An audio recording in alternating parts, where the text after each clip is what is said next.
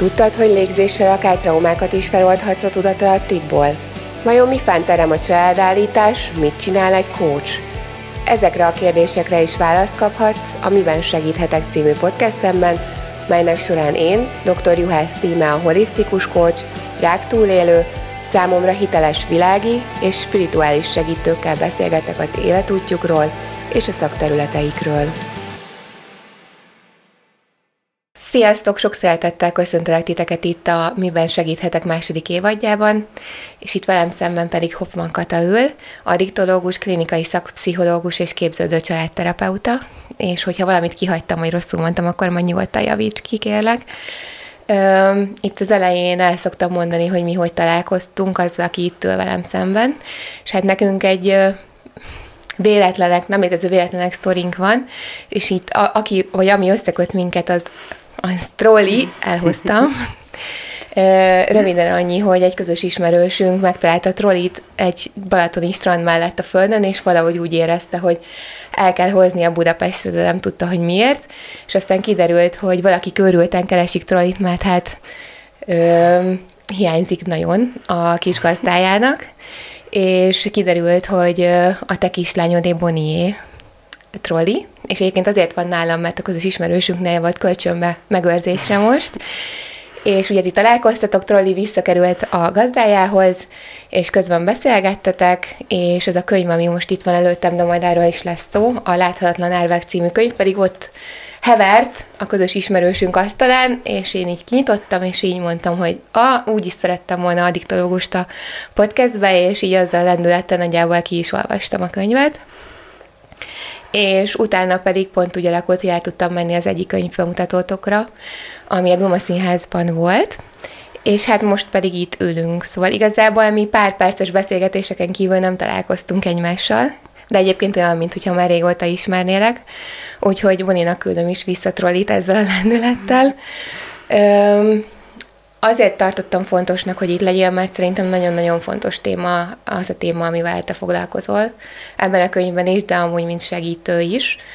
És mielőtt kitérünk arra, hogy most mit csinálsz, meg miben segítesz, mesélnél arról, hogy milyen voltál gyereknek, vagy hogy nőttél föl?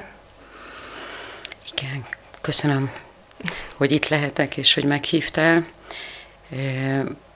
pontosítom, amit mondtál, mert hogy nem vagyok addiktológus, uh-huh. hanem az addiktológiai területén dolgozom 20 éve, pszichológus vagyok alapvégzettségem szerint, aztán krízisintervenciós tanácsadó szakpszichológus lettem, és aztán később klinikai szakpszichológus, de az addiktológiai szakpszichológiát már nem végeztem el, és valóban a családterápiában képződtem, mert csak meg kéne írnom a dolgozatot. És hogy milyen voltam gyerekként? Uh-huh. Hát szerintem voltam egy nagyon-nagyon kis cuki pici gyerek, aztán utána az évek során kezdtem, továbbra is cuki voltam szerintem, de hogy elkezdtem egy ilyen riad, zavarodott, szorongó, zárkózott kisgyerekké válni. Nyilván erről majd még fogunk beszélni a, a családi hatások kapcsán. És aztán az én óriás szerencsém az az volt szerintem, hogy, hogy elsősorban a tanulásba menek az evésbe is, de hogy, hogy ami konstruktívabb volt a tanulásba menekültem, illetve az olvasásba, írásba, és aztán kamasznak egy kicsit már viharosabb, lázadóbb típus voltam, és ott valahol ilyen tizen pár évesen döntöttem el, hogy pszichológus leszek, és igazából nem is felvételiztem máshova, hanem azt így akkor eldöntöttem, hogy a pszichológia érdekel, és, és aztán így, így, így haladtam az úton. És... Így vezetett egyenesen az út a segítő szakmába. Ugye amikor ott voltam a könyvbemutatón, akkor olvastat, olvastatok fel részeket, és Gyakorlatilag az egész megérintett, de az a rész is, amikor, amikor arról szólt az aktuális felolvasott rész, ami nem ebben a könyvben van benne, de te írtad szintén, hogy, hogy így vagy úgy, de a végén ö, ö, szenvedélybeteg szülőknek a gyermekei azok ö, vagy segítővé válnak, vagy hogyha nem, akkor igazán nehezen találják meg a helyüket a világban, de nagyon jellemző, hogy mondjuk van jó sok diplomájuk, meg perfekcionistává válnak, meg elég erős a belső szülői sokoknak, nem mindenkinek, nyilván ez, ez egy általánosítás részemről, de hogy ezt is elhoztam. Mondtad, hogy fogunk beszélni a családi háttérről. Mi az, ami, ami, ami belőled segítőt csinált ilyen hamar? Hát igen, ahogy, ahogy te is említetted, szenvedélybeteg családban nőttem föl. Nekem az édesapám az, aki alkoholproblémákkal küzdött, és édesanyám meg társfüggő volt mellette, tehát hogy, hogy nyilván ilyenkor az egész család érintett, és azért ezekben a családokban az nagyon jellemző, hogy a, hogy a gyerekek korán felnőtt szerepbe kényszerülnek, kénytelenek magukról is gondoskodni, meg időnként a, a felnőtt szüleikről, tehát valahogy megcserélődnek a szerepek, így lesznek ők szülősítve, vagy felnőttesítve. Tehát a másokról való gondoskodás az, az így nagyon részévé válik az alapvető működésnek, illetve illetve valahogy ez a gyerekkornak ez az önfeledtsége, vagy valóban gyereknek lenni, az nagyon korán elvész, és ez a fajta felnőtt működés, ez, ez aztán így, ahogy te is mondtad, gyakran perfekcionizmussal, maximalizmussal társulva, hogyha mondjuk az ember egy ilyen hős szerepet vesz fel a, a családban, különböző szerepeket szoktak felvenni a gyerekek, én sokáig vittem ezt a hős szerepet, és és igen, az is, arról is beszéltünk ott is, hogy hogy, hogy, hogy gyakran egyenes az út a segítői hivatás választása felé. Egyrészt ezért, mert hogy amiben ilyen családban felnőve valaki nagyon jó az általában pont a másokra való figyelés, a másokról való gondoskodás, illetve ami engem még nagyon hajtott, hogy valahogy megértsem ezt az egészet. Tehát, hogy, hogy amire az előbb is utaltam, hogy volt egyfajta ilyen zavarodottság, hogy, hogy nem értem, vagy érzem azt, hogy valami nem oké, de hogy nem értettem azt, hogy mi nem oké, vagy hogy mitől működik úgy a családunk, vagy mitől működik úgy az apám, ahogy működik, vagy tényleg kiterjesztve az egész családra, benne magamat is, tehát hogy valahogyan ez a motiváció is megvolt, hogy szeretném ezt érteni, és, és valahogy ennek a, a kiterjesztése, vagy ennek a továbbvitele volt, tehát ott nem álltam meg, hogy jó, akkor szeretném megérteni magamat, meg a, a családunkat, hanem, hanem aztán nagyon meg is tetszett, meg is szerettem, elég jó visszajelzéseket is kaptam, tehát valahogyan így maradtam ezen a területen, ugye szokták mondani ezt a, általában az egy pszichó, pszichi kezdetű szakmát választani, akinek magának is van valami baja, ugye ezt szokták mondani, ami valóban így van, tehát hogy, hogy sokan ebből a sebzetgyógyító pozícióból indulnak, amivel szerintem önmagában nincs is probléma, ami viszont nagyon fontos, hogy, hogy ezt az ember tudatosítsa a saját motivációját, a saját sebzettségét, a saját sérülékenységét, mögöttem is van néhány ezer óra önismeret már, hogy aztán ez a, a segítői működést ezt ne befolyásolja az, hogy mi az, amiből én jövök. Igen, és erre is ki fogunk térni, hogy hogyan nem befolyásolja. Mondtad, hogy szeretted volna megérteni. Sikerült megérteni?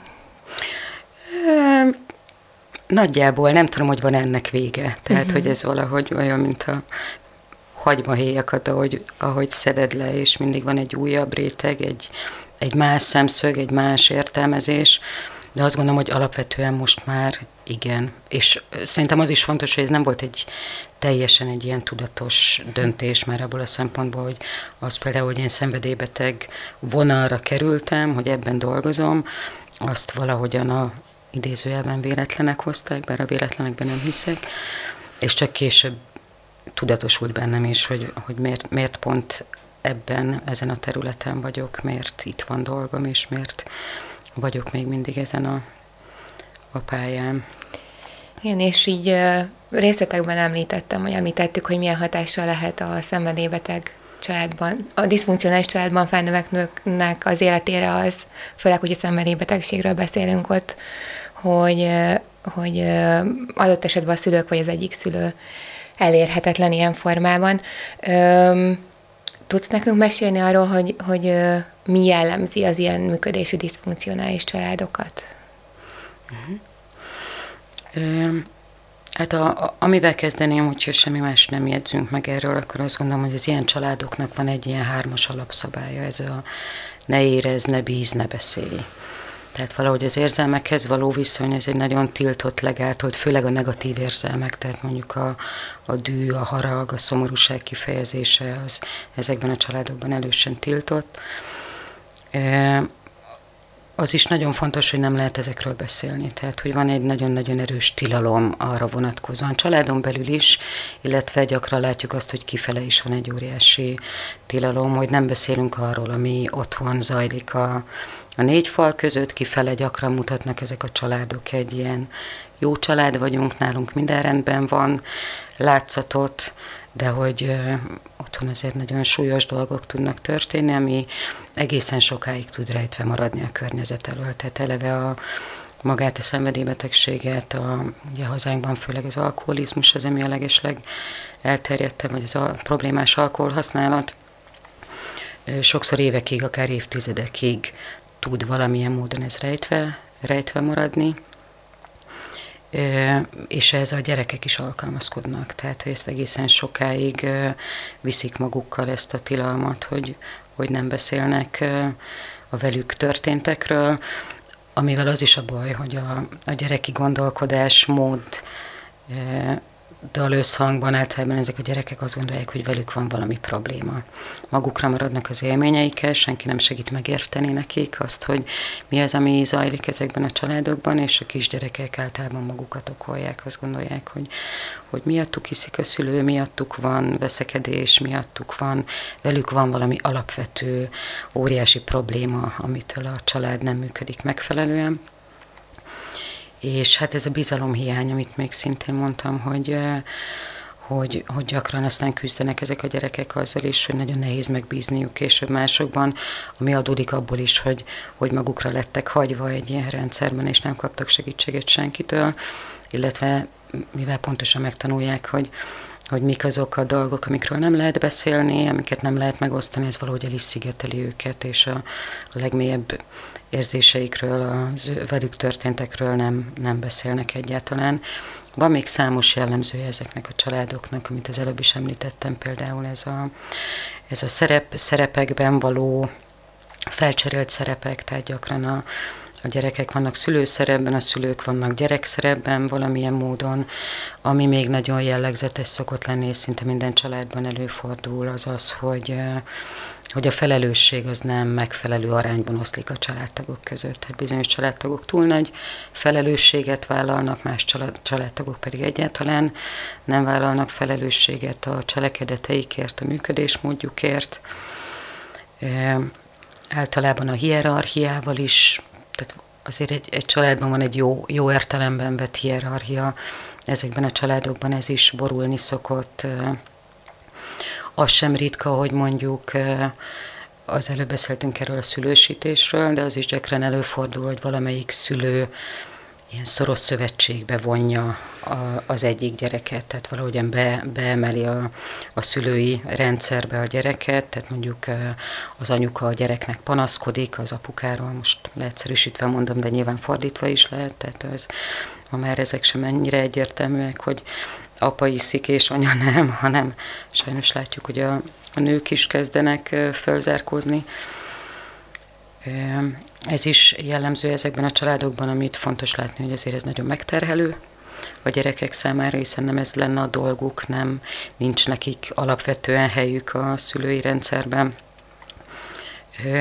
Az intimitás, ami még sérülni szokott általában a, a valódi közelkerülés, az ezekben a családokban nehéz.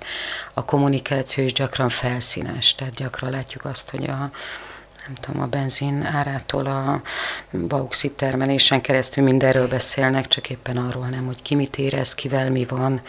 A, a konfliktusok azok, azok vagy nagyon nyers formában szoktak megjelenni, vagy, vagy teljes tagadásban, hárításban vannak, és nem beszélnek a, a konfliktusokról.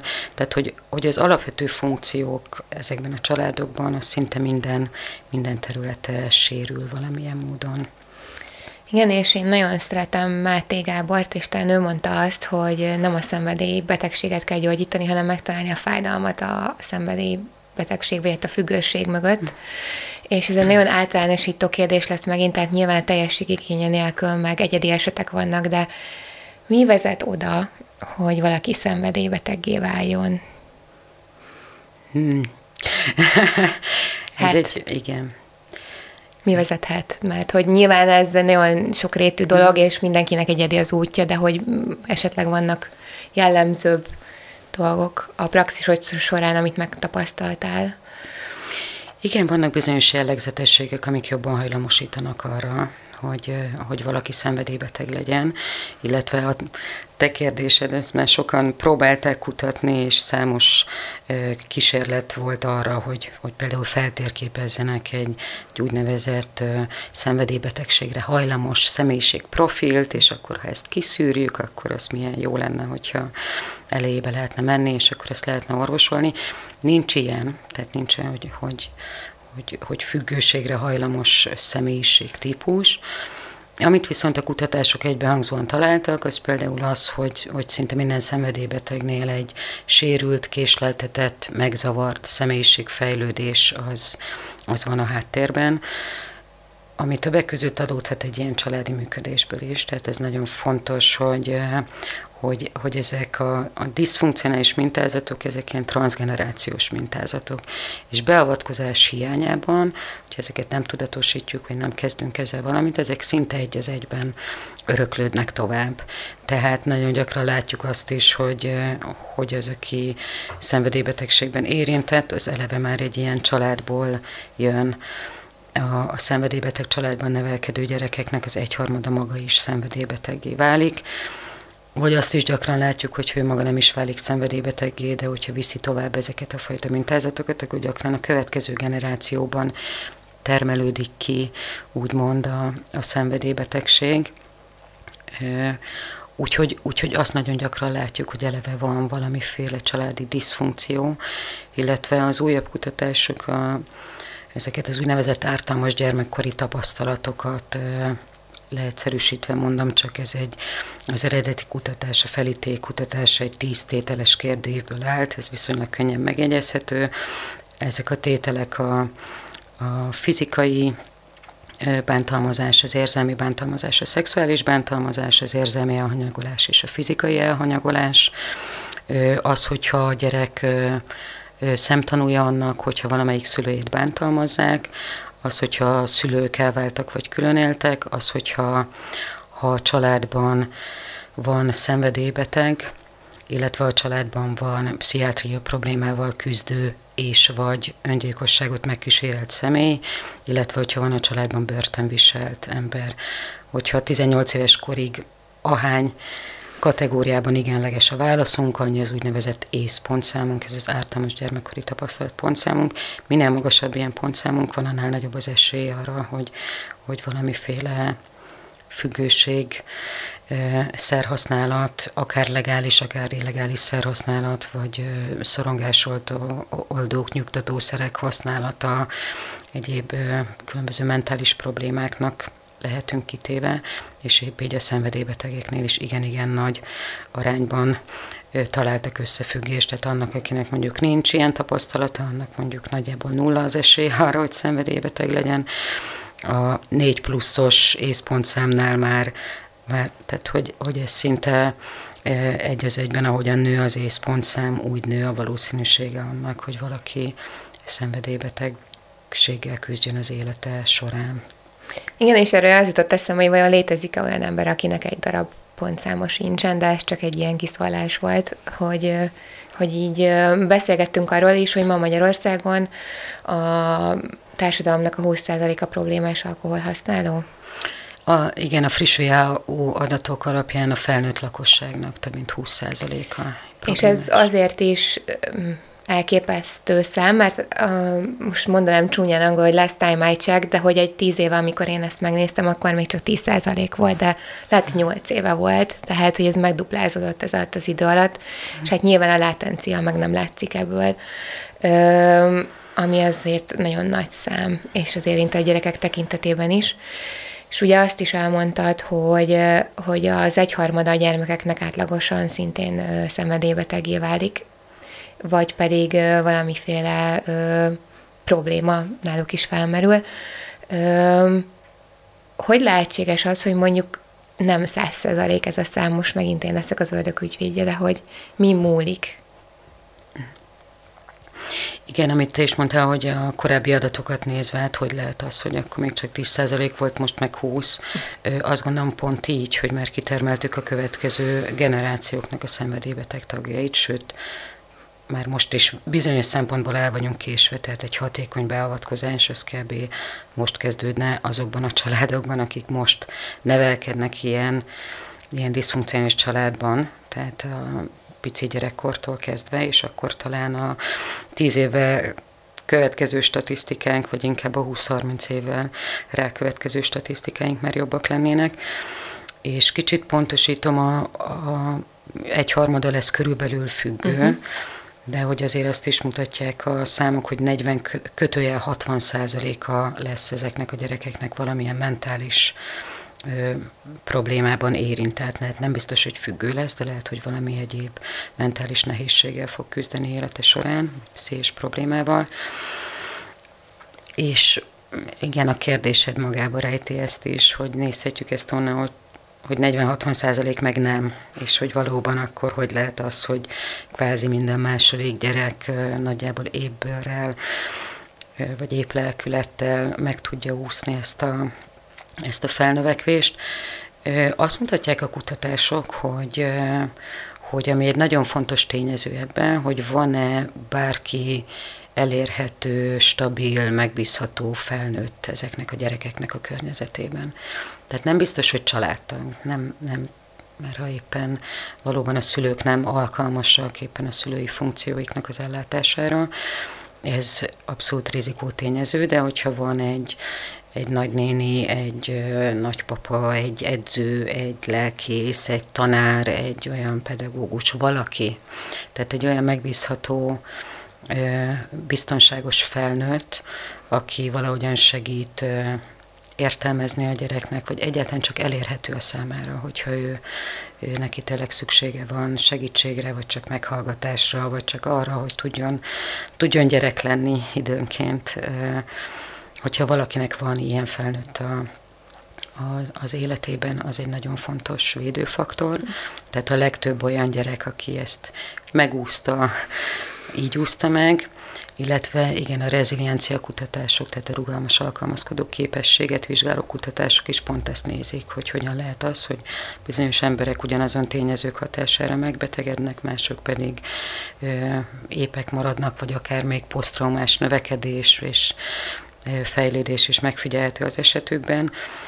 Ö, például így, tehát hogy van ez a illetve hogy vannak-e egyéb védőfaktorok, találnak-e maguknak olyan más megküzdési módokat, akár a családon kívül, iskolai vagy sportban sikereket, valami olyat, amiben, amiben ki tudnak teljesedni, humor, tehát nagyon, nagyon sokféle lehetőség van, hogy ezeket tudják-e megtalálni és alkalmazni, ezeken múlik nagyjából. Meg mindig hozzáteszem, hogy azért szerencse is kell ez, én azt gondolom. És így a praxis során mit tapasztaltál, hogy kik jutnak el hozzád, illetve hogyan dolgozol velük? Kicsit bontanám a kérdést, uh-huh. mert hogy dolgoztam én elég, elég sok fele, meg sok területén a szenvedélybeteg ellátásnak, drogambulanciától, rehabilitáción keresztül, magárendelés, családterápia, csoport, stb. Úgyhogy az nagyon vegyes, hogy ki hogyan jutott el hozzám. Van, aki például büntetőeljárás alternatívájaként a elterelésben, amikor még drogambulancián dolgoztam, de hogy többnyire vagy önként jönnek, illetve nagyon gyakori az, hogy a hozzátartozók kérnek először segítséget, mert hogy általában maga a függő az, aki utoljára érzi igazából problémának a, a saját szerhasználatát, és a környezete az már, már régebb óta szenved, és gyakran ők kérnek segítséget, és őket bevonva sikerül aztán mondjuk a függőt is bevonni a kezelésbe. Úgyhogy ez nagyon, nagyon vegyes, hogy hogyan jutnak el. És egyénileg, vagy csoportterápiában, vagy hogyan dolgoztok? Mindegyik. Uh-huh. Én valahogy azt tapasztalom, meg abban is hiszek, hogy, hogy, hogy valahogyan egy ilyen integrált, több irányból való megközelítés tud igazán hatékony lenni.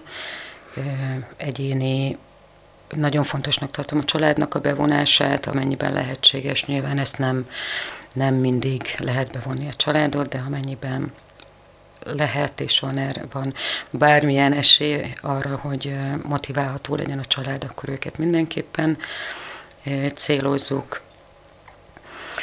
Ami még szerintem nagy hiányosság egyébként az ellátórendszernek, az pont ezeknek az érintett gyerekeknek a, a bevonása, mert nagyon sokszor látom azt, hogy, hogy most már jó eséllyel a, a felnőtt hozzátartozót is bevonják a kezelésben, de hogy gyakran pont a gyerekekről feledkeznek el a, az ellátórendszerben is de hogy a cél az, hogy minél több mindenkit, illetve hogyha egyénibe dolgozom, akkor is most már szinte kizárólag úgy, úgy szoktam vállalni klienst, hogy, hogy csoportba is küldöm, mert hogy a csoportnak van egy olyan töblete, azt gondolom, meg a, a 12 lépéses programoknak, de nem csak, tehát vannak másfajta ö, szenvedélybeteg ö, ellátócsoportok is, hogy, hogy minél, minél több irányból megtámogatni a folyamatot.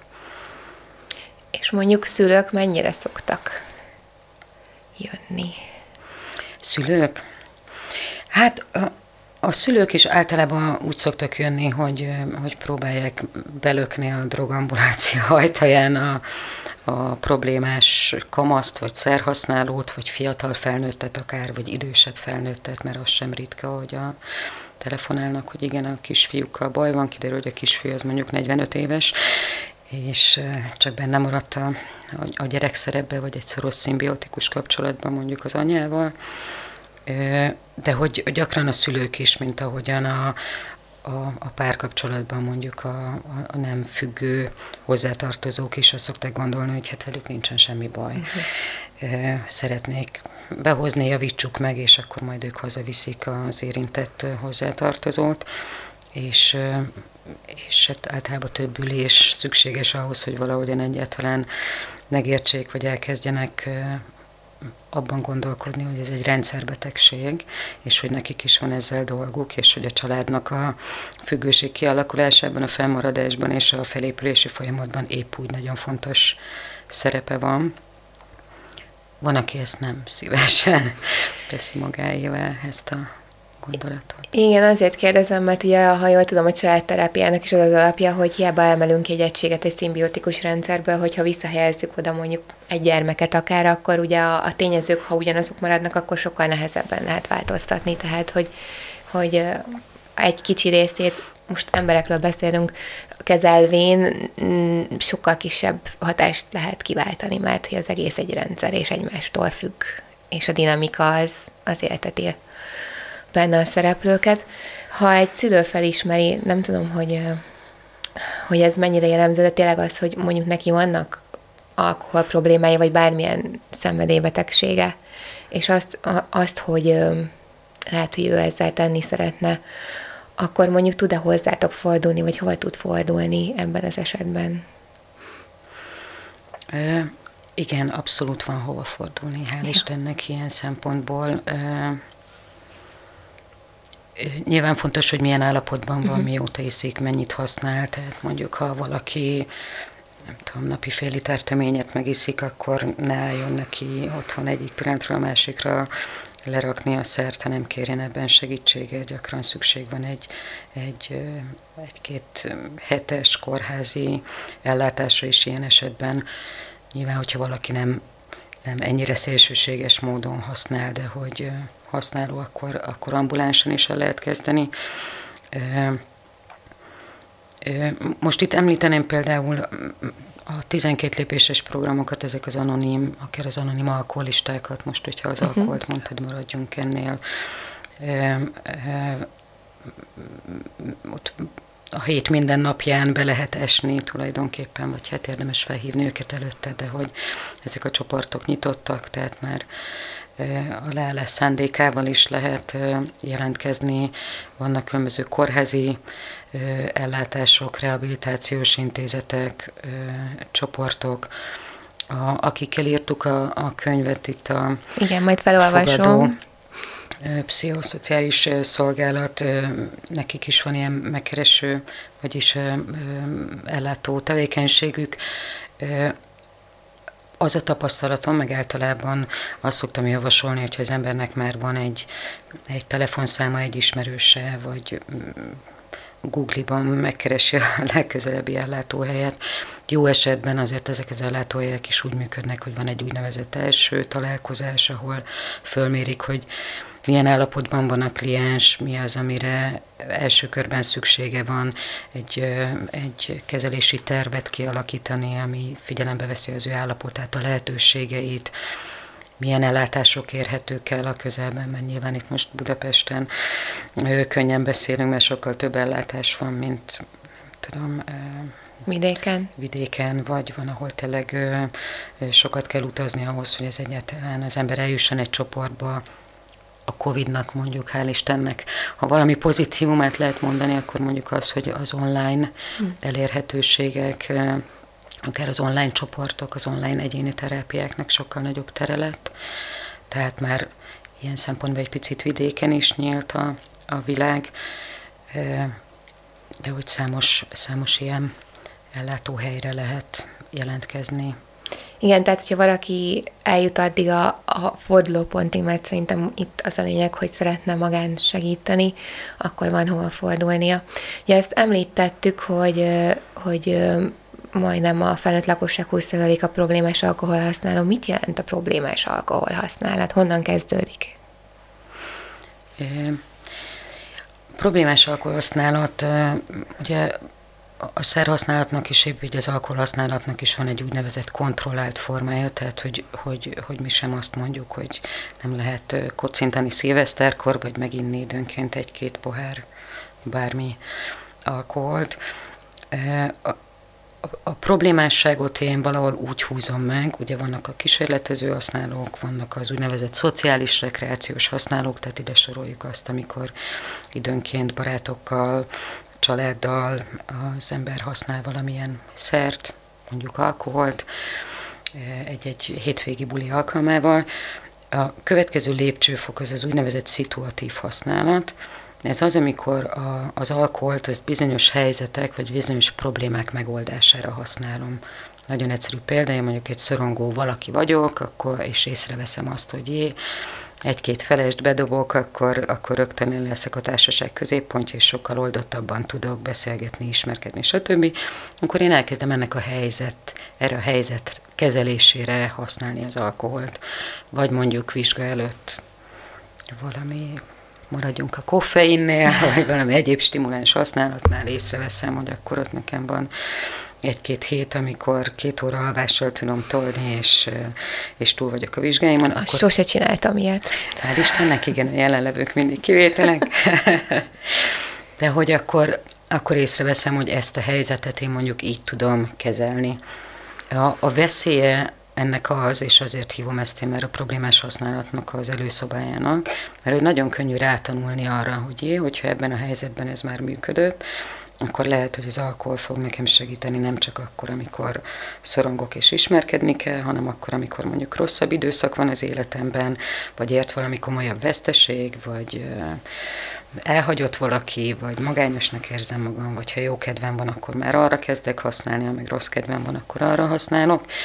És a következő fázis az már az úgynevezett intenzifikált használat, amikor hosszú időn keresztül naponta, vagy majdnem minden nap iszik valaki, és a függő típusú használat meg már az, amikor szinte folyamatos használat van.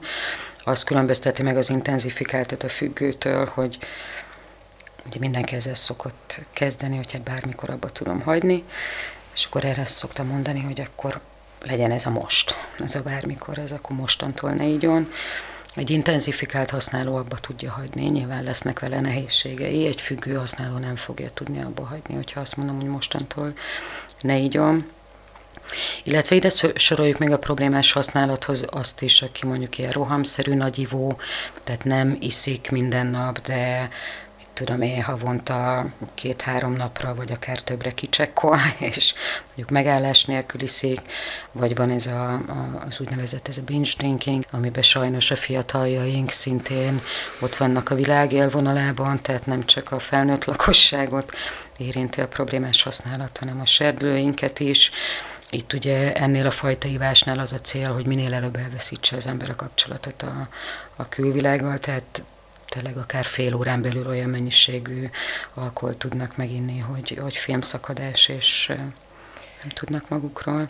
Nem mondom, hogy egyetem alatt csináltam ilyet párszor, sokszor. Szerintem egyébként ez sajnos benne van az egyetemi kultúrában is. Most ez nagyon így, így kimondva ez keményen hangzik, de hogy, de hogy nagyon nehéz kimaradni belőle, inkább maradjunk ennyiben. Legalábbis amikor én legutoljára egyetemre jártam, akkor ez még így volt.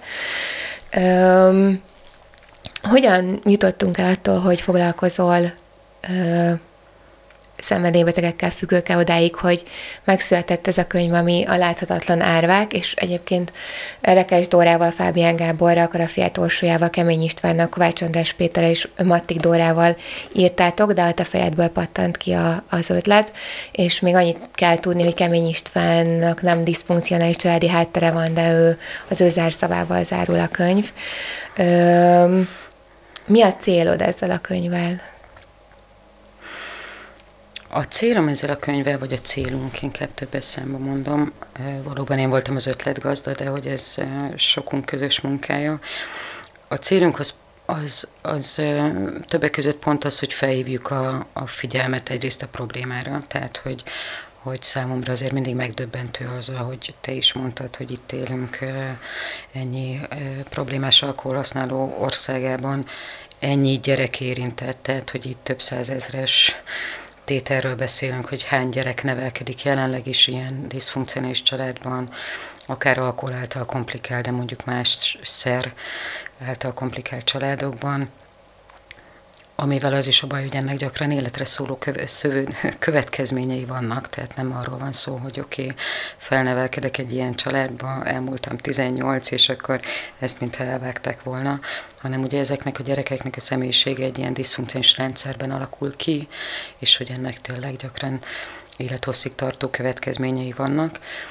Mik ezek a következmények? Bocsánat, hogy beleszólok, csak szerintem itt fontos megemlíteni, nyilván itt sem lehet mindent felsorolni, de hogy milyen jellegű következményekre gondoljunk.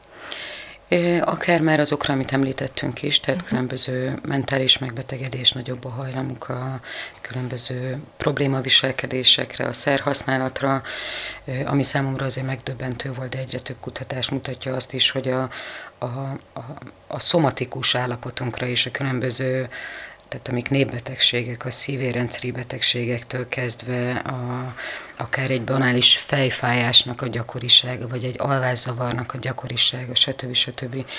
Nem sorolom föl, uh-huh. tehát, hogy szinte minden, minden terület érintett, szomatikus szinten is, meg, meg mentális szinten is.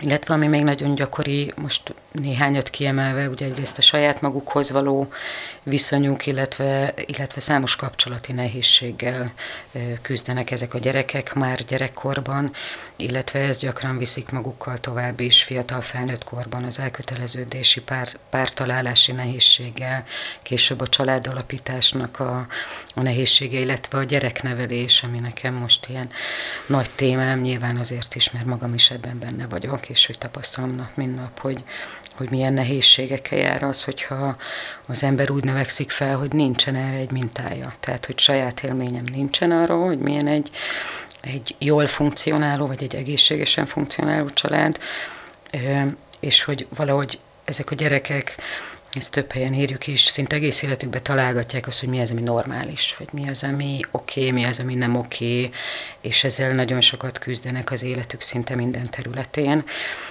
és megfelel, ugye ezt szinte mindenki el szokta dönteni, aki egy ilyen családban növekszik, hogy na hát én csak olyan nem leszek, mint a szüleim, meg hogy biztosan máshogy fogom csinálni, de ez a döntés ez önmagában kevés, tehát ehhez készségekre van szükség, ezek, ezek, erre, ehhez információkra van szükség,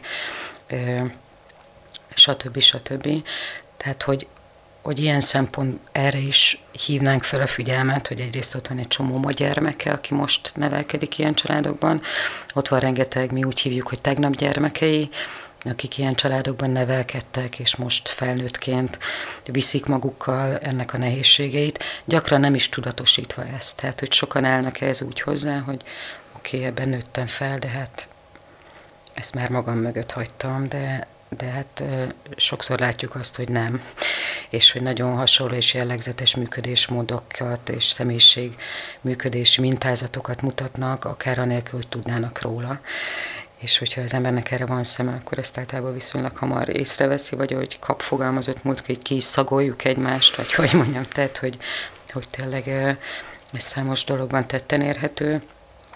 Illetve hát a célunk az is, hogy ebből a tabusítás, közöny, álszentség, nem nézünk oda, nem beszélünk róla a működésmódból, ami nem csak a családot jellemző, hanem azt tapasztaljuk, hogy valahogyan úgy az egész társadalmat is, a, a, az intézményrendszereket is jellemzi, ebből egy kicsit kilépni és felhívni a figyelmet erre, hogy, hogy tudjuk, hogy mit kell nézni, mik ezek a jelek, hogy ne fordítsuk el a fejünket, hogy ezeket valahogyan láthatóvá tegyük, és igen, és a tabusítást, tehát hogy ez, ezek nagyon tabusít a társadalom, meg nem nézünk oda, meg titok, és a könyvben mutatón is beszéltetek arról, hogy gyakorlatilag mindenki, aki írt ebbe a könyvbe, azoknak a szülei már nem élnek, kivéve téged.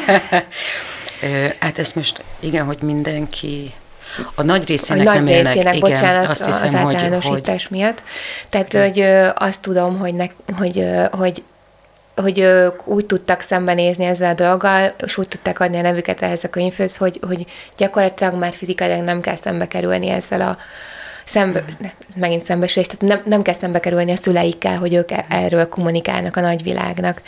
És uh, nyilván annyit mondasz el, amennyit szeretnél, de hogy engem az érdekelne, hogy te viszont hogy tudtad megtenni ezt a nyílt kommunikációt, vagy megírni ezt a könyvet úgy, hogy, hogy te viszont nem azok közé tartozol, akiknek a szülei már nem élnek, vagy nincsenek mhm. köztünk.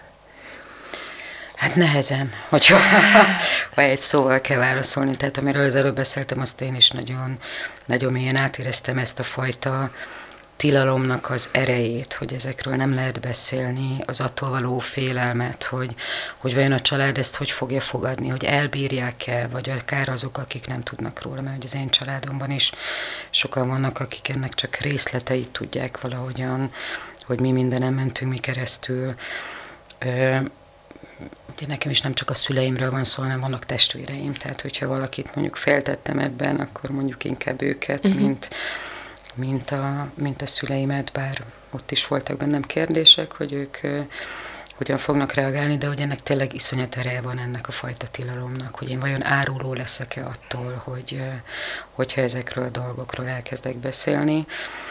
És én azt gondolom, hogy, hogy hogy hát már nagyon sokat dolgoztam ezzel a témával, tehát magamon is, és és én most arra jutottam el oda, hát én is már 40 pluszosan, hogy, hogy akkor azt érezzem, hogy, hogy de igen, lehet erről beszélni, hogy kell erről beszélni, hogy reményeim szerint sokkal többet fogok ezzel használni, mint amennyit ártani, és hogy nagyon sok embernek fog tudni ez kapaszkodót jelenteni, akár a saját felépülésében, akár abban, hogy egy családban elinduljon erről valami fajta kommunikáció de hát meg, meg, megküzdöttem vele, szóval, hogy ezért ez nem, nekem sem volt annyira magától értetődő.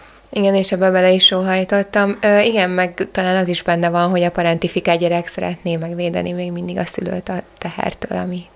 A, a, tehát, hogy igen. Ö, ugye a könyv az egyébként úgy készült, hogy ennek a bevétele teljes mértékig a szenvedélybeteg szülők gyerekeinek a javára megy, tehát ebből ti egy fillért sem láttok, hanem felajánlottátok a, a közjavára. Mindenkinek mondanám, a Máté Szeretet szolgáltatta ki, hogy, hogy a Láthatatlan Árvák című könyvet azt ö, rendelje meg, vagy vegye meg. Egyrészt szerintem a mai társadalomban gyakorlatilag nincs nagyon olyan ember, aki közvet, vagy közvetlenül nem érint, tehát másrészt pedig jó célt szolgál. Ö, hogyha ha valaki hozzád szeretne fordulni, akkor hol tud téged elérni? Hát adok majd egy e-mail címet, amin meg tud találni. Én pillanatnyilag most magánrendelésben uh-huh. dolgozom alapvetően, uh-huh. illetve arról nem is beszéltem, de színházterápiás foglalkozásokat uh-huh. tartom, Igen. mert hogy egyre inkább mozdulok most a, a nonverbális irányba, illetve a csoportokkal való munkába, de most a következő fél évben egészen biztosan, hogy én nem vállalok új kliens, uh-huh. de, de abban szívesen segítek, hogy hogyha valaki ennél sokkal előbb szeretne segítséghez jutni, akkor szakembert tudok ajánlani, mert hál' Istennek számos remek kollégával működöm együtt, akiket jó szívvel tudok ajánlani. Igen, és Meg láttam is, és osztottam is a színházterápiás időpontodat. Beszélne egy picit arról, hogy mi ez a színházterápia?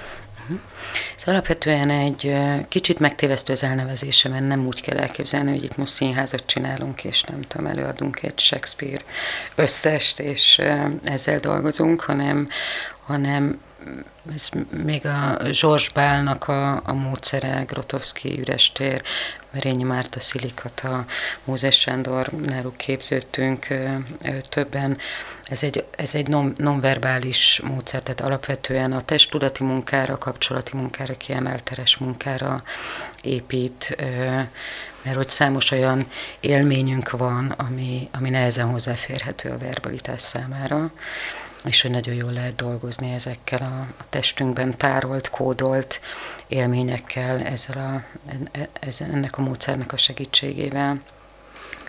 Igen, és még azt nagyon fontosnak tartom elmondani, vagy legalábbis nekem ez a véleményem, hogy fontos kiemelni, hogy az, aki, aki függő vagy szenvedélybeteg, és ezt be is ismeri magának legalább, tehát már odáig eljut, hogy nem hibásak, de hogy minden, mindenki áld, tehát minden szenvedélybeteg családban áldozatok áldozatai vannak, tehát nem véletlenül lett mondjuk egy szülő is szenvedélybeteg, hogy ezt a hibásság stigmát, hogyha le tudjuk róla menni, akkor szerintem lehet, hogy egyszerűbb lehet eljutni talán a segítőhöz is, nem tudom, hogy erről mi a véleményed, hogy ez a bűntudat, nem nézzünk rá dologgal, ezt, ezt hogyan lehet oldani, azon kívül, hogy egyébként könyvek és podcastek által beszélgetünk róla, azokban, akik, akik érzik már, hogy kéne menni, de még mindig az van, hogy úristen, hogyha én ezzel szembesülök, akkor én leszek a rossz, és hogy én tettem tönkre mondjuk a gyermekeim életét, mert találkoztam olyanokkal, akik mondjuk ezt a terhet nem biztos, hogy elbírták annyira jól.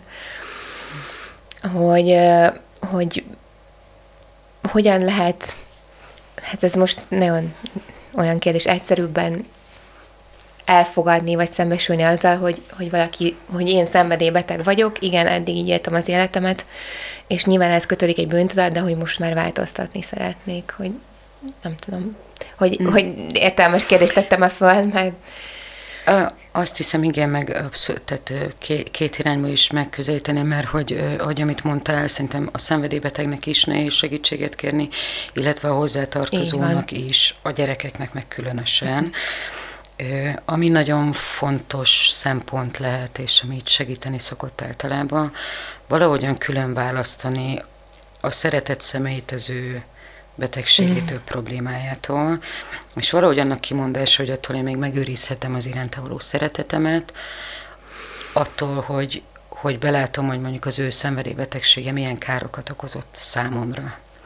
És valahogy ezt a kettőt külön választani, és épp úgy egy érintetnek is, amit mondasz, ezt mi is gyakran látjuk, hogy ezt annyira gyerekek szenvedését látni amúgy is nehéz, főleg ha az ember a saját gyerekeinek a szenvedését látja, főleg ha ezt ő okozza, és hogy én azt gondolom a legtöbb szenvedélybeteg szülőről, hogy egyáltalán nem szeretne tudatosan ártani a szüleinek, meg én a saját szüleimről is így gondolkozom, hogy ők nem rosszat akartak, hanem egyszerűen nem tudták igazán jól csinálni, és hogy a szándék, meg a, a szeretet az ott volt, csak valahogyan közé, közénk állt a szenvedély, betegség, meg ez a probléma, és hogy ez az, amivel ők aztán nem kezdtek semmit.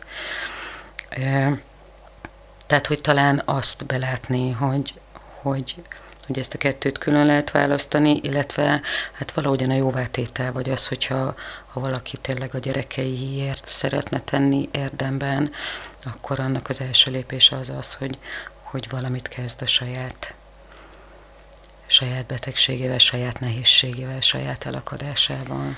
Igen, és hogyha még eddig a belátásig nem jutott el, vagy nem jutottak el szenvedélybeteg szülők, és itt most nagyon sajnálom, hogy nincs időnk arról beszélgetni, hogy nem csak alkoholbetegség létezik, de majd ez talán egy következő podcast témája lesz, akkor viszont a gyerekeknek tudtok, a gyerekeknek is tudtok segíteni, és nekik tudtok segíteni, mert hogy, hogy minél hamarabb segítséget kap a szenvedély, vagy diszfunkcionális családban lévő gyermek, annál nagyobb esélye lesz arra, hogy ő nem fog beletartozni abba az x század, 40-60 százalékba, aki, aki szintén diszfunkcionális személyiségszerkezettel, ha van ilyen nő fel, még annyi, hogy szoktátok mondani, hogy van ez, ezt, hoztam őt, ezt a könyvet is, az Apa, Anya, Pia könyvet, ami szerintem egy nagyon jó könyv, hogyan találhatják meg a szenvedélybeteg szülők felnőtt gyermekei mégis a boldogságot. Nem tudom kiejteni, talán Waltraud Barnowski Geyser, de nem vagyok benne biztos, hogy így kell ejteni, vagy Geyser, de szerintem az Geyser. Erre a könyvre is ti hívtátok fel a figyelmemet, és ezt is a Máltai Szeretet szolgáltatta ki, és szerintem ezt is vegyétek meg, tehát tényleg szerintem nagyon-nagyon fontos és jó dolgok vannak benne. Van bármi, amit még, ami benned maradt és elmondanál? Igen. Igen, talán csak egy, hogy köszönöm, hogy ezt a könyvet is behoztad, és egyébként ez a, a programnak a névadója, és ez Igen. az apa anyapia, és így is hívják a, a programot, aminek keretében ez a könyv is megjelent, illetve azóta több más kiadvány is, többek között a láthatatlan árvák is és a kimondható.hu oldalon nagyon sok mindenről tudtok tájékozódni.